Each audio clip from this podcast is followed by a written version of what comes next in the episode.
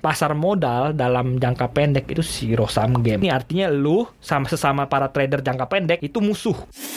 untuk punya strategi ngikut yang tepat gitu ya, ngikut yang berfaedah tuh gimana gitu. Biar Ya, nanti udah makanya- ngikut masuk nyangkut.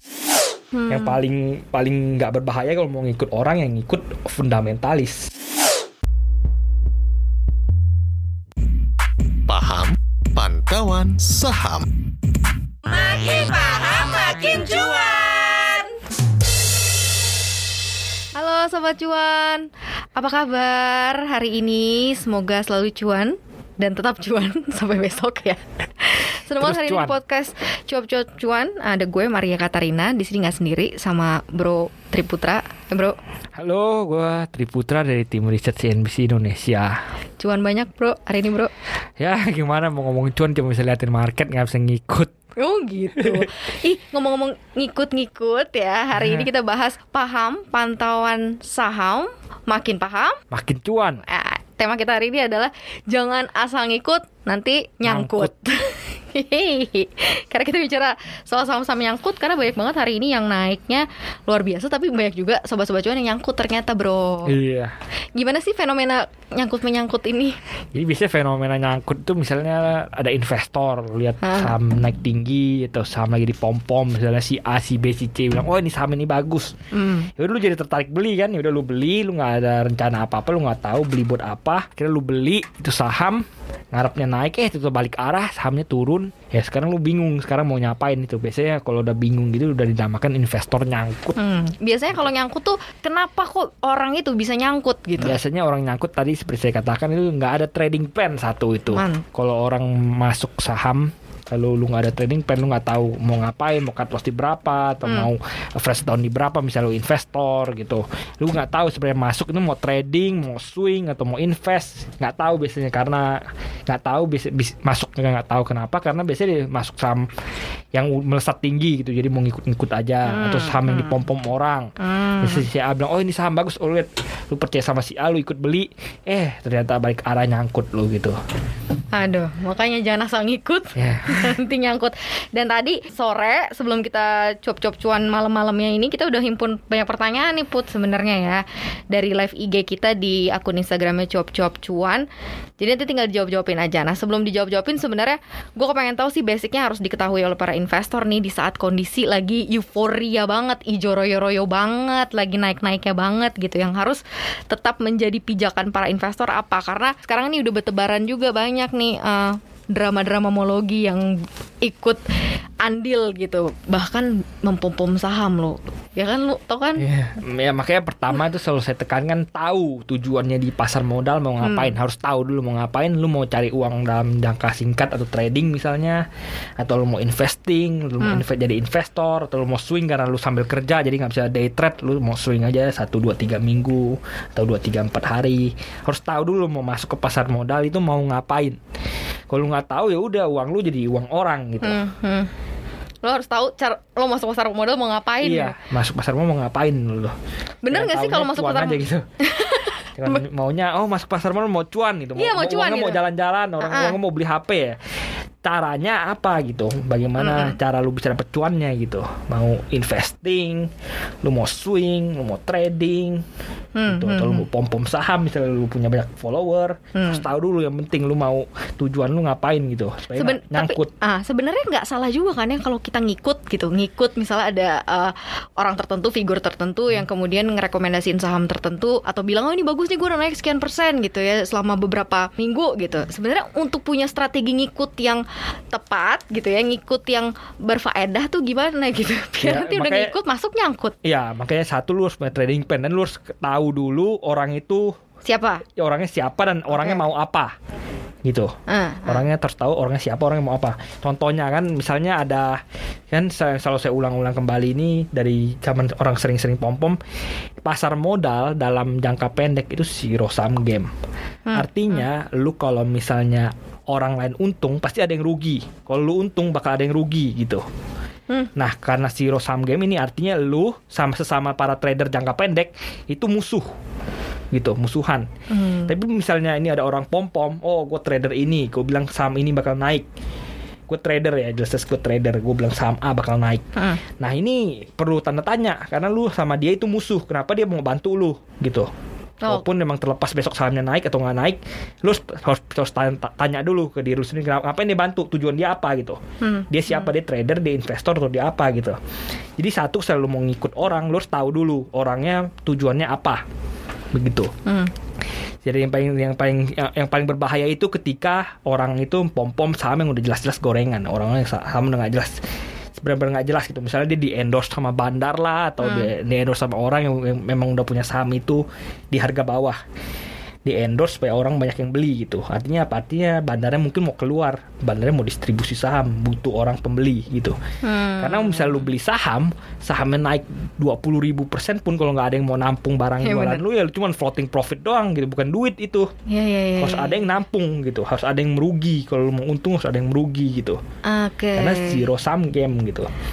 Nah yang kedua itu misalnya dia trader, dia misalnya dia udah nampung harga bawah, terus misalnya dia ada uang dana buat narik ke atas atau apa, Hmm. dia juga perlu keluar gitu. Jadi biasanya trader ada ada juga pom oh ini saham ini bagus, saham ini bagus. Biasanya tradernya mau keluar gitu. Oke. Karena kalau dia udah mau keluar baru dia pom pom gitu. Oh. Terlepas dari besoknya dia lihat oh ini animonya masih tinggi jadi nggak usah keluar dulu, jadi bisa arah bertahan arah. Itu tergantung disclaimernya para trader yang pom pomin itu gitu. Jadi misalnya ada ada orang ada trader yang apa nyaranin saham ini saham ini saham ini memang harus curiga juga sebenarnya gitu. Yang paling paling nggak berbahaya kalau mau ngikut orang yang ngikut fundamentalis. Memang paling nggak berbahaya walaupun ada potensi-potensi nyangkut juga. Oke. Contohnya kayak gini, misalnya lu karena seperti saya katakan tadi zero sum game di jangka pendek. Tapi di jangka panjang tuh ada yang namanya dividen gitu. Betul. Jadi ada uang masuk Hmm. ke eh, orang uang masuk. Jadi ada potensi untuk semuanya untung. Karena Oke. udah bukan zero sum game lagi karena untuk jangka panjang ya. Nah, jadi untuk yang seperti ini contohnya untuk fundamentalis seperti yang paling yang tadi banyak dikatakan yang tadi, tadi banyak ditanya lah GJTL Hmm. gitu. GJTL gimana? GJTL gimana? Selain itu kan kalau GJTL kan ada orang di belakangnya itu yang uh, terekspos itu akhirnya dikasih Palo Keng Hong kan Nah, semua Pak tahu kan Ya, semua, orang kenal kan? kenal gitu. Jadi sebenarnya ini kalau menurut saya sih bukan bukannya bukan pom pom po- bukannya Pak Lok yang, yang mau pom pom tapi ya namanya terpaksa muncul karena dia udah taruh di atas 5% gitu. Jadi misalnya oh orang-orang jadi akhirnya yang, yang ngumpul sendiri ke Lok Keng Hong itu gitu. Oh ini ini figur terkenal itu dari memang ada investor yang ngumpul ada trader yang pengen cuan cepet juga ngumpul scalper swinger semua ngumpul juga ke satu saham jadi akhirnya arah kemarin dua kemarin arah hari ini Oke. juga melesat kencang tapi kan. lu kan nulis kan GJTL kan Ya, gue juga nulis nah, GJTL lu, lu, gitu. lu apa yang lo sampein gitu dengan assume masyarakat apa yang dipilih Lo Keng Hong sebagai value investing kan kita tahu nih Hmm. nah apa yang lo tulis nih gimana korelasinya Nah ini seperti gue bilang di live IG itu ketika kemarin ditutup ditutup pasar ditutup itu ada antrian 1,2 juta lot. hmm. Kalau lu asumsikan Lo Keng Hong udah beli udah tiga tahunan dia beli. Kalau lu lihat dari broker sumarinya itu yang ngumpulin banyak tuh DH ya, yang ngumpulin 130-an juta lembar tuh DH. DH Sinar Mas Sekuritas Sinar Mas yang emang oke ya udah terkenal lah dekat sama Lo Keng Hong gitu. Kadang banyak orang tahu juga Lo Keng Hong banyak yang pa- emang pakai Sinar Mas Sekuritas gitu. Emang DH yang ngumpulin gitu Hmm. itu tuh udah ngumpulin tiga bulan kalau lu pakai harga rata-rata tiga bulan terakhir eh, tiga tahun kalau pakai harga rata-rata tiga tahun terakhir itu GJTL di 600-an harga rata-ratanya. Rata-rata tiga tahun tiga tahun terakhir? terakhir 600-an Oke. artinya kalau kemarin dia jual di 800-an lu udah untung 200 poin. Ya. Lu kali ini 200 poin kali Berapa lot yang lu punya? iya berapa lot yang punya itu udah udah ratusan miliar itu kayaknya itu. Miliaran lah nggak nyampe ratusan miliar udah puluhan miliar lah katakan. Nah tapi Pak Lo Keng Hong nggak jual dia ada bilang ke CNBC Indonesia juga kemarin ada antrian 1,2 juta lot tapi saya nggak jual gitu karena saya yakin ini saham long term bakal itu naik lagi gitu. Hmm, hmm. Nah jadi ketika ngikut-ngikut tuh lu harus tahu juga siapa yang lu ikutin dan apa yang orang apa yang tujuan orang itu gitu. kalau dihitung-hitung bisa ke berapa Kalau dihitung-hitung secara intrinsik seperti saya, saya katakan secara menggunakan metode Starman projection model dari Refinitiv itu Ya. bisa ke 2000-an nilai intrinsiknya ya. Nilai intrinsik saham ya? Ya, kalau misalnya lu ngomong value investing itu orang ngomong cepat atau lambat harga saham, harga pasar saham akan pergi ke nilai intrinsiknya. Iya betul. Cepat atau lambat gitu. Kalau misalnya lambat sampai lu meninggal juga nggak ada yang tahu gitu. Hmm, Karena kan Amit-amit value ya. investing kan memang pasti Iya emang jangka panjang, Jangka panjang. gitu. Jadi lu Ah. nggak tahu kapan lambatnya itu kapan bisa Ah. se- lima tahun, bisa besok, bisa lusa, Ya, ya, ya. bisa lima tahun, 10 tahun, 20 tahun gitu. Bisa aja lu sampai selesai jadi investor masih belum bisa belum melihat saham itu Hmm. pergi ke nilai intrinsiknya gitu.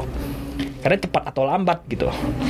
Jadi lu satu harus tahu apa seperti yang gue katakan tuh ketika lu ngikut lu juga harus punya trading plan satu. Hmm, hmm, karena s- dari sebelum-sebelumnya itu banyak juga yang ngikut Pak Lo Keng Hong di saham bumi. Pak Lo Keng Hong yang untung, iya dulu kan. Dulu kan. Lo Keng Hong yang untung, pengikutnya rugi semua. Rugi semua. Nah, karena mentalnya satu nggak siap. Iya, iya, iya. Ketika dia beli di harga 300 lu turun turun turun turun turun ke gocap. Hmm. Pak Lo Keng Hong average down terus di gocap, beli di nego harganya murah lebih murah Hmm. daripada gocap gitu. Hmm. Yang lain udah kelayangan, pusing, akhirnya nyangkut, udah mau buru-buru jual, lalu akhirnya naik dikit udah jual akhirnya gitu. Tapi Hmm. karena lo Pak Lok yang percaya nilai intrinsiknya ini di atas dari 50 ya udah di hold sama dia akhirnya. Kalau kita kombinasiin deh, misalnya kan tadi kan GJTL dari nilai intrinsiknya tuh, kalau misalnya dari dari sisi fundamentalnya dan Hmm. value investingnya bisa ke 2000-an. Tapi fundamentalnya sendiri bagus nggak menurut lo? Ini kan dia part of otomotif kan, jualan ban gitu kan. Nah ini gimana menurut lo? Kalau GJTL seperti yang tadi saya yang saya tulis tadi pagi itu outlook industrinya itu positif untuk 2021 sangat lumayan positif. Ah. Sentimen penggeraknya ada tiga.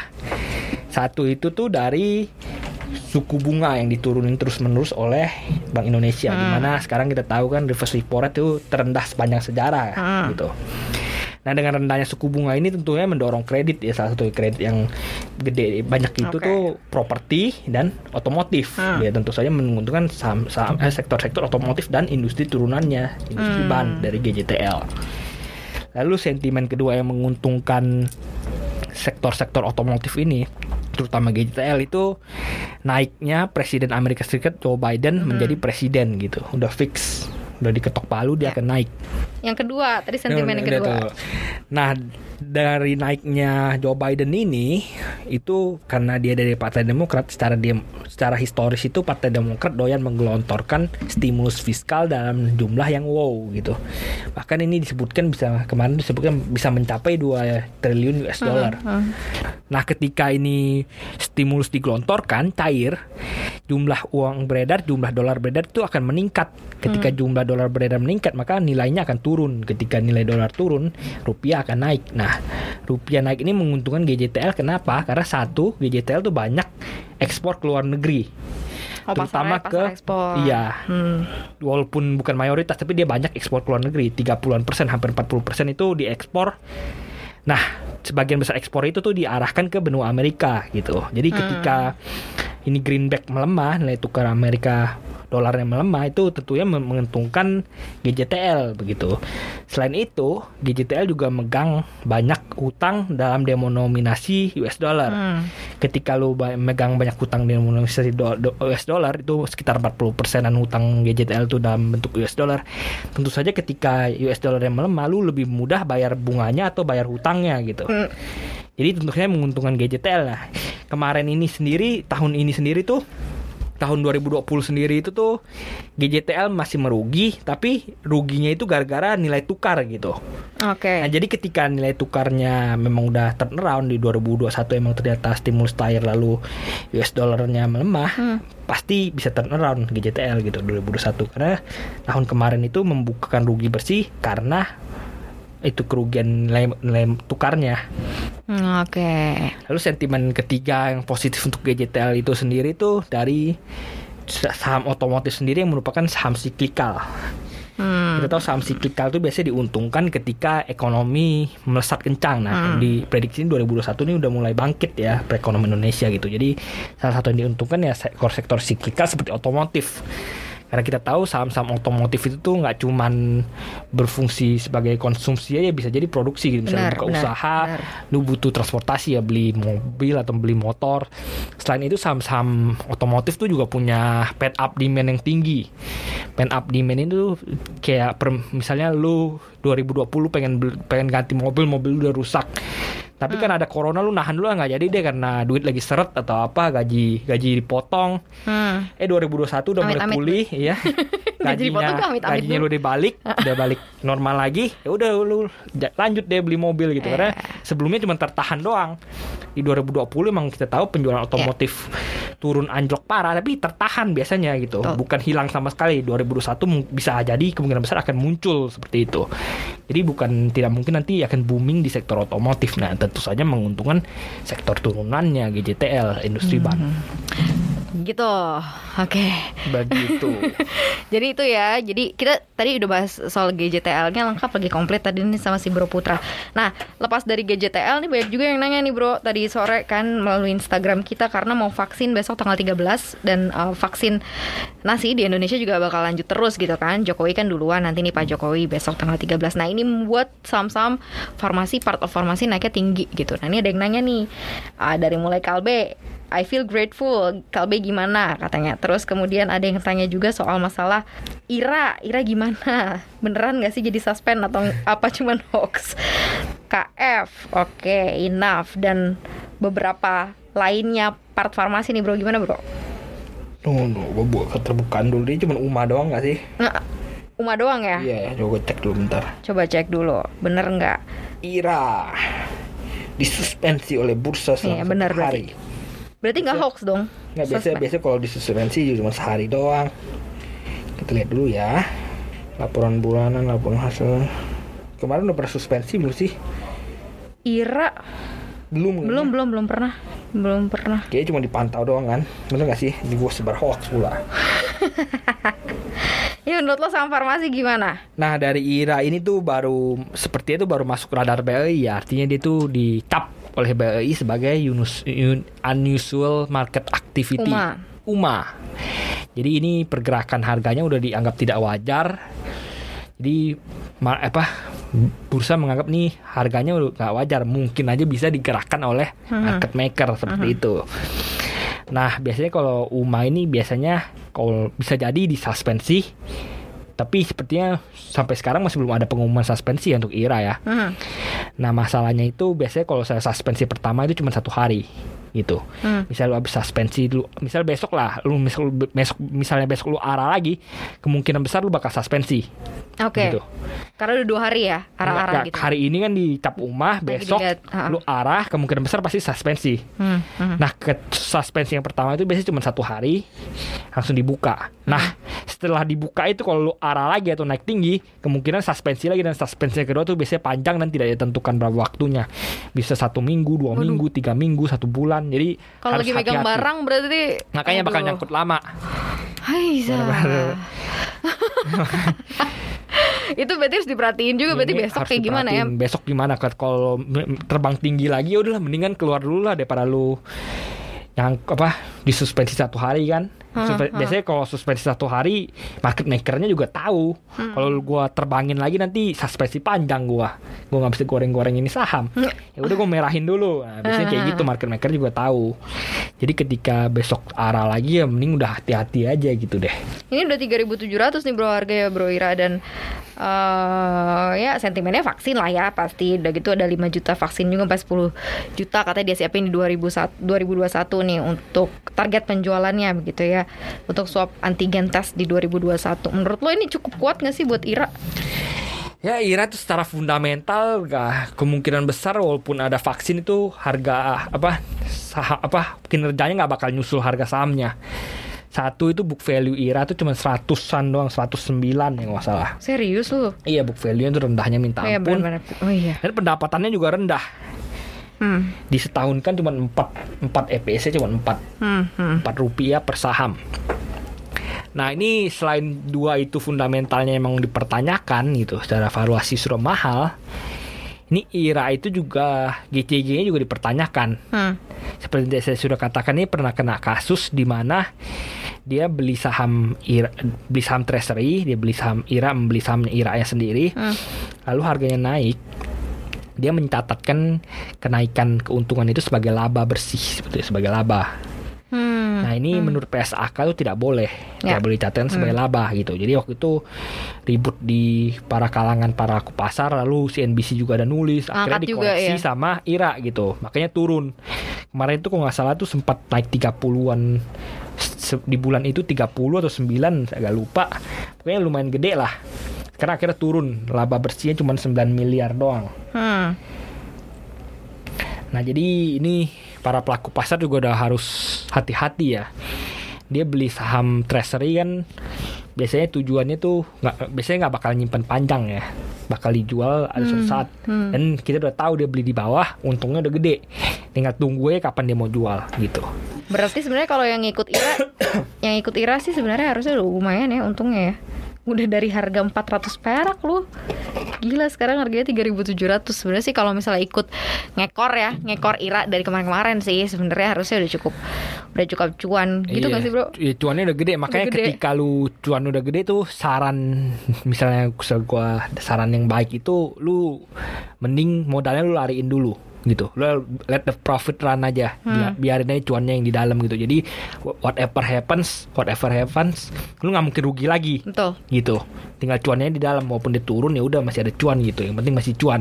Hmm. kalau Gitu emang lah. lu mau gitu lebih baik tek tek modalnya dulu. Ambil modalnya dulu Ya, makin paham makin cuan nih jadinya nih. Oke, eh, Kalbe Farma nih juga nih. Karena kan Kalbe juga hari ini naik juga nih 17%. Di tengah kemarin-kemarin pada naik duluan yang lain-lain gitu kan Kalbe kan nggak naik tuh, diem-dieman aja tuh di situ. Nanti tiba-tiba hari ini naik ke 17% nih, Bro. Kal ya Kalbe itu kan emang lain ya daripada yang lainnya daripada saham-saham farmasi lain kita tahu market capnya Kalbe itu gede banget jadi ketika lu market capnya gede lu mau goreng saham ini juga susah gitu Hmm. Hmm. karena dana yang dibutuhkan gede kalau saham-saham yang emang market capnya kecil ya punya duit berapa m berapa ratus m berapa puluh m tuh udah mampu itu goreng itu saham Hmm.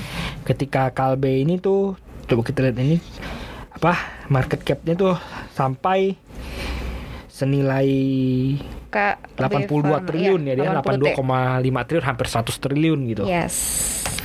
Nah, ketika lu punya saham apa market cap yang gede makanya susah digoreng gitu. Tapi jadi ketika hari ini naik tuh amazing sekali gitu. Artinya memang banyak dana yang masuk, banyak banyak sentimen buy-nya kuat sekali.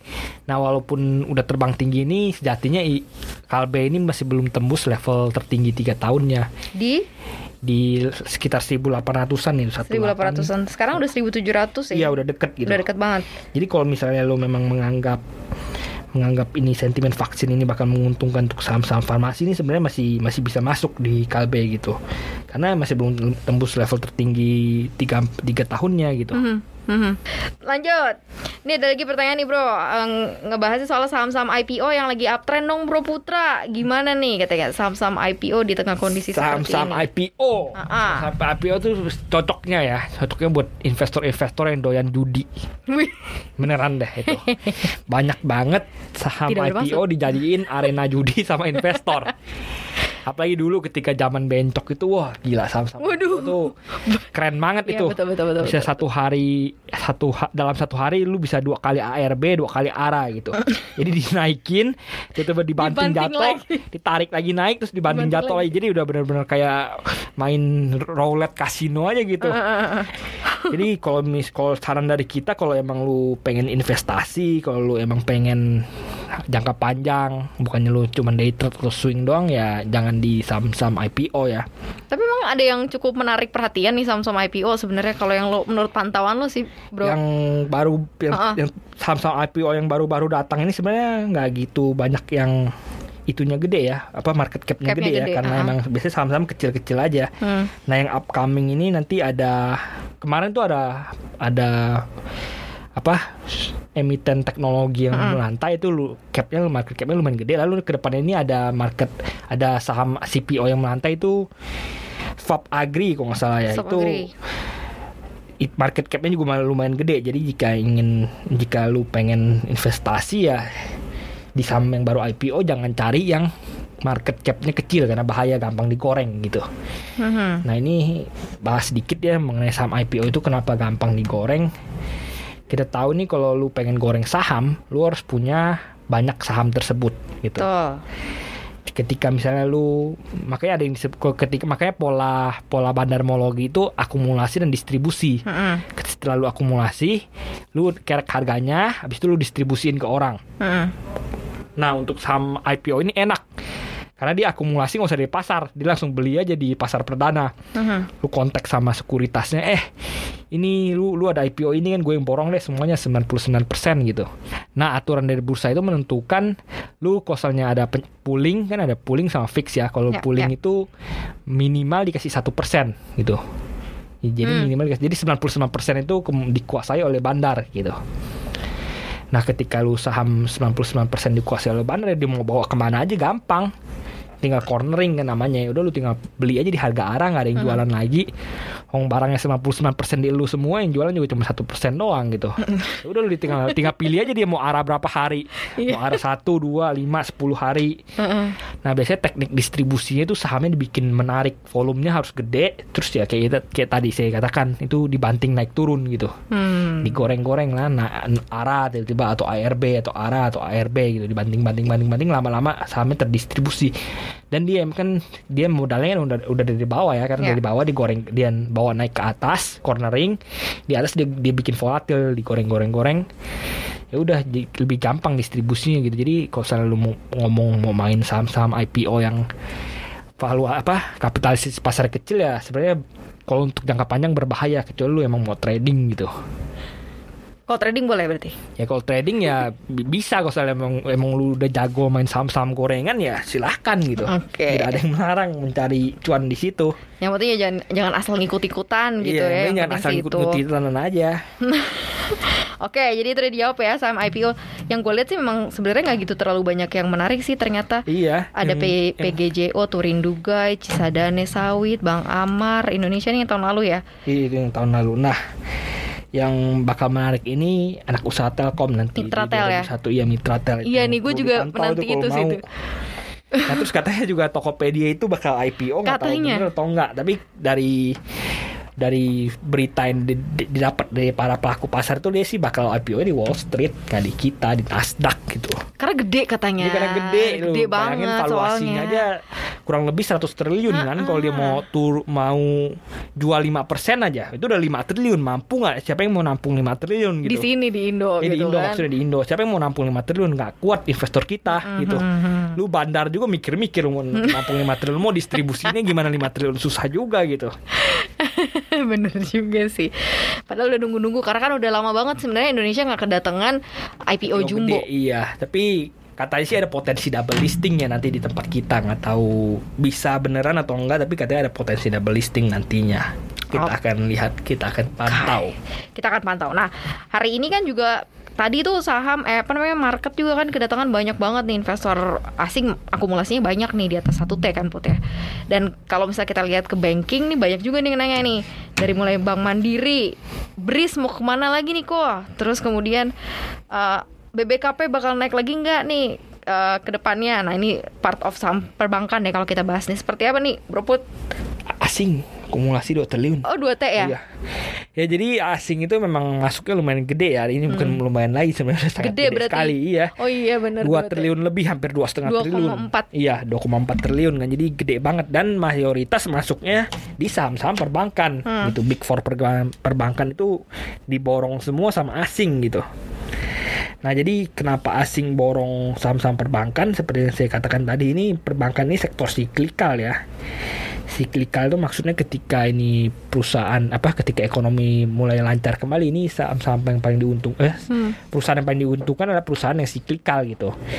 Ini perbankan diuntungkan karena mereka kan nanti bisa menyalurkan kredit lagi, kredit macetnya berkurang, kredit macet berkurang nanti NPL-nya turun, NPL-nya turun lu nggak usah kasih pencadangan gede-gede, pencadangan yang nggak gede lah baru terbang gitu. Jadi kemungkinan besar nanti 2021 karena kita tahu sebelumnya 2020 pencadangannya gede, kemungkinan besar 2021 ini bakal cakep kinerja keuangannya at least kalau lu bandingin sama 2020. Bakal cakep lebih cakep dong berarti Iya, pa- harus. pasti kemungkinan besar lebih cakep daripada 2020 karena pencadangannya nggak usah segede 2020 Ya. gitu. Walaupun mungkin ada beberapa yang masih belum pulih ke level sebelum pandemi tapi pasti kemungkinan besar bakal lebih baik daripada 2020 gitu. Nah untuk tadi ada beberapa yang disebut Hari tuh. BMRI, BRI, BRIS. sama BRIS, BBKP. sama BBKP. Yes. BMRI ini tuh untuk jangka panjang itu sebenarnya menarik karena sentimen pendukungnya nanti ketika BRIS itu merger itu pemegang utama sahamnya itu adalah Bank Mandiri. Hmm. Jadi ketika pemegang utama saham Bank Mandiri, maka laporan keuangan BRIS ini bisa dikonsolidasikan ke laporan keuangan Bank Mandiri. Jadi nanti aset Bank Mandiri bakal masuk eh asetnya BRIS ini bakal masuk ke aset Bank Mandiri. Jadi total asetnya bakal bengkak, itu bakal naik Gila. tinggi. Gue langsung kaget dong. Nah, ketika ini memang Februari nanti ya rencananya kan. Nah, ini nanti tuh B Mandiri ini akan naik menjadi bank dengan aset terbesar di Indonesia. Ketika memang udah ini perbankan-perbankan syariah ini udah merger lalu laporan keuangannya dikonsolidasikan ke Mandiri Hmm. akan melesat kencang dia eh, asetnya dari, dari segi aset. Jadi sebenarnya masih positif banget buat Bank Mandiri apalagi kita tahu prospek usaha BRIS ini sangat bagus banget ya. Prospek usaha Bank Syariah Indonesia ini cakep banget gitu. Hmm. Dan yang bakal menguasai itu Bank Mandiri jadi sangat potensinya sangat gede banget untuk Mandiri diuntungkan dari merger ini gitu. Hmm, Kalau kita lihat BRIS kan juga ada yang pertanyaannya sebenarnya adalah target price. Target price-nya BRIS nih ke berapa gitu. Sebenarnya kan tadi kan kita juga sempat bahas tadi di IG kan banyak banget saham-saham yang naiknya sebenarnya udah irasional gitu. Nah, ini gimana nih, Bro, untuk BRIS sendiri? Ya untuk BRIS itu seperti saya tadi katakan itu ini valuasi wajarnya waktu di dinilai itu tuh cuman 700-an 800-an ya gitu. Valuasi nilai Sekarang wajarnya 3.000. sekarang udah 3 ribuan. Jadi Iya. ada ekspektasi investor senilai 2 2 ribuan gitu, 2200 2300 ada ekspektasi itu Hmm. untuk kinerja keuangan Bank Syariah Indonesia yang akan membaik ke depannya. Nah, cara fundamental sendiri memang Bank Syariah Indonesia itu bakal cakep banget karena dia akan menguasai pasar marketnya syariah, ma- market perbankan syariah dari segi DPK-nya, dari Hmm. pemberian kreditnya, lalu dari pokoknya dari se- semuanya tuh sangat kuat sekali bahkan asetnya ini tuh bakal bakal menjadi bank dengan bank dengan aset terbesar ke-6 atau ke-7 di Indonesia gitu. Oke. Dan kemungkinan besar ketika nanti ketika ketiga perbankan syariah itu dikonsolidasikan akan naik menjadi naik pangkat jadi bank buku 4 gitu. Jadi sebenarnya potensinya tuh potensi perbaikan fundamental tuh sangat besar sekali. Tapi masalahnya ya kita bisa lihat sekali sekarang harganya itu udah mahal banget. Hmm. Ya, jadi seperti saya katakan ini tinggal masalah lihat apakah nanti memang kinerja keuangannya yang memenuhi ekspektasi para investor ini. Ya. Jadi kinerja keuangan ini men- naik ke sehingga wajar ke level 3000 atau malah harganya yang tertarik turun gitu. Misalnya ternyata wah kinerjanya cuma layak dihargai 2000 atau layak dihargai 1000 nanti harganya yang turun ke Dia akan terdepresiasi ke iya, harga itu ke gitu harga ya. emang berapa wajarnya gitu. Berarti Nah, jadi- sebaik-baiknya kalau seandainya saat ini udah pegang, udah punya, udah cuan, mendingan realisasi Iya, gitu ya. seperti saya tadi katakan lagi, kalau misalnya ingin bet bahwa nantinya Bank Syariah ini bisa berkembang sangat pesat sekali ya udah lu sisain aja cuannya gitu. Let the profit Iya karena lo, aja lo gitu. beli ekspektasi lo terhadap Iya, iya, ini kan. Ekspektasi pasar terhadap BRIS ini sangat gede sekali Hmm. gitu. Mhm. Sampai hampir 2 dua, tiga kali har- harga wajarnya gitu. Mhm. Jadi ekspektasinya emang udah gede banget buat Bank Syariah Indonesia ini. Jadi tinggal nanti masalahnya Bank Syariah Indonesia bisa memenuhi ekspektasinya aja nggak gitu. Sobat cuan, kita lanjut lagi ya, bro. Ini komoditas sekarang banyak juga yang nanya eh, gimana gitu ya, karena ini banyak yang nanya juga soal Elsa, terus call saham-saham batubara nih gimana.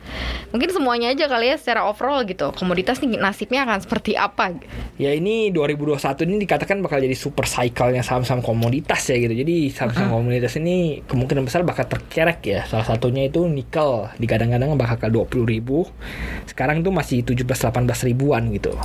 Untuk coal itu digadang-gadang bakal ke 90-100. Sekarang masih di angka 85-an gitu. Jadi potensi komoditas untuk melesatnya tinggi. Jadi tentu saja akan ngerek harga-harga sahamnya gitu. Mhm. Nah, bagi lu lu pada yang pengen cuan dari saham-saham call, Aha. saham-saham batu bara, itu tergantung misalnya lu pengennya yang aman-aman aja lu masuknya ke PTBA aja. Kenapa ke PTBA? Karena Kenapa lo PTBA lebih aman dari yang lain? karena PTBA itu kliennya itu banyakkan PLN. Ketika PLN dia makainya harga batu bara acuan. Oh di domestic consumption juga ya kemungkin- PTBA ya. Banyakannya domestic consumption Iya, itu iya, ke PLN. Pakai harga batu bara acuan. Jadi ketika harga batu bara Newcastle-nya loncat-loncat atau anjlok Mhm. tiba-tiba itu biasanya perannya ke harga PTBA itu lebih kecil gitu. Efeknya ke harga PTBA itu lebih tipis. Kalau yang mau aman kan ke PTBA. Iya, nah, kalau aman yang PTBA. high risk, Kalau yang high resikonya risk, tinggi. Resiko return high risk high return tuh lu coba masuk ke Indi atau Doit. Hmm. Ketika lu masuk ke Indi sama Doit itu emang geraknya itu emang ugal-ugalan. Ketika batu baranya melesat kencang, biasanya batu bara Newcastle melesat kencang ya. Biasanya Indi sama Doit itu yang paling merespon. Gitu. Hmm. Biasanya Indi itu emang terkenal market makernya ugal-ugalan dulu waktu Market maker ugal-ugal. iya kayak microlet aja itu market makernya Indi emang terkenal dari dulu itu. Dulu waktu call di 100 itu Indi pernah terbang sampai 4000 dari harga 100-an. Eh, Bukan ugal-ugalan apa namanya itu? Iya, Berapa bener, tuh? Empat-. 400 persen. 4, 4 ribu ya 4 ribu persen ya 40 kali lipat deh pokoknya. Nah, terus komoditas yang lain gimana? Misal kayak kan sekarang minyak juga nih lagi lagi apa namanya ada pembatasan Hmm. produksi, harganya jadi naik gitu kan. Nah, beberapa kan ngefek juga nih ke saham-saham minyak kita juga Ya, nih. Elsa ini hari ini melesat kencang ya. Salah satunya emang karena dipom-pom sama anaknya presiden itu. Karena ada yang mologi Ada- juga, ada Mologi juga dipom-pom juga. satu. Dan kedua emang harga minyak kita emang udah melesat kencang dalam beberapa hari terakhir gitu. Heeh. Nah ini kalau menurut definitif Starman Projection Model itu harga wajar PT harga wajar Elsa itu di angka 700-an tapi sepertinya bakal berat ya karena kita tahu itu 700-an itu level tertinggi lima tahun terakhirnya itu nggak salah. Si Elsa. Iya Elsa jadi mungkin buat ke 700-an dalam jangka dalam tahun ini mungkin masih berat gitu.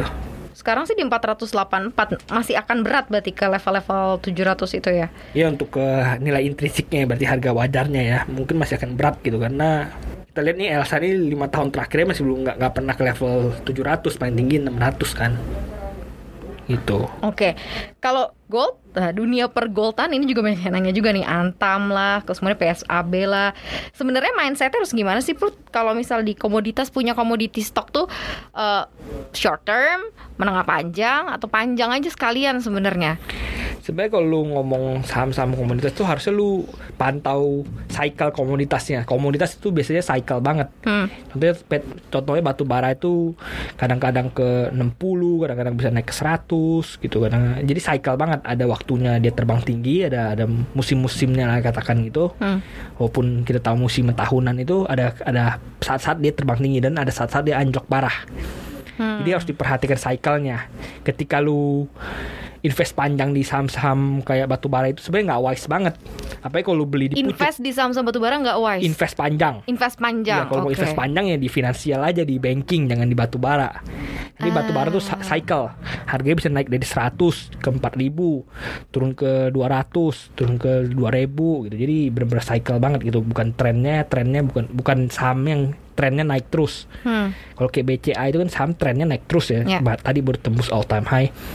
Kalau kayak PTBA, Indi itu trennya ya cycle, naik turun, naik turun. Jadi lu harus manfaatkan ketika komoditas turun, lu serok sahamnya, tunggu komoditasnya naik, lu jual. Itu Gitu. hampir sama berarti eh, bisa lo terapkan juga ke semua komoditas berarti ya. Iya, apa hampir semua Hampir komoditas tuh ada sama. cycle-nya gitu. Hmm. Kecuali yang yang yang cycle-nya uptrend dia emas doang biasanya. Ah, ah, Yang ah. uptrend emang emas doang, tapi kayak kayak batu bara gitu cycle banget. Oke. komoditas yang bisa dijadikan energi itu biasanya cycle banget. Karena ikut harga komoditas secara global ya. Jadi harga Iya, globalnya karena- itu yang membuat Karena pem- apa kebutuhan akan energi kan siklikal kan. Kadang-kadang butuh banyak energi, kadang-kadang enggak tergantung kondisi perekonomian gitu. Jadi Hmm. kalau misalnya lu ngomong komoditas yang diperlukan yang bisa dijadikan energi itu cycle banget. Oke, jadi ya itulah ya, gam- jadi gambarannya gitu. Karena emang kondisi perekonomian Indonesia kan memang mudah-mudahan sih masuk ke dalam masa recovery nih saat ini gitu kan tahun 2021 diharapkannya seperti itu. Nah, Amin. Amin. Nah bro, eh, besok kan masih lanjut lagi nih perdagangan nih. Lu pesan untuk sobat cuan deh. Lo kasih tahu dong bro, ini gimana buat perdagangan besok? Kan untuk bekal perdagangan besok. Ya untuk perdagangan pekan ini ya kita bahas. Iya, Perdagangan pekan ini. aja tuh ada potensi IHSG menguji level 6450 secara teknikal gitu.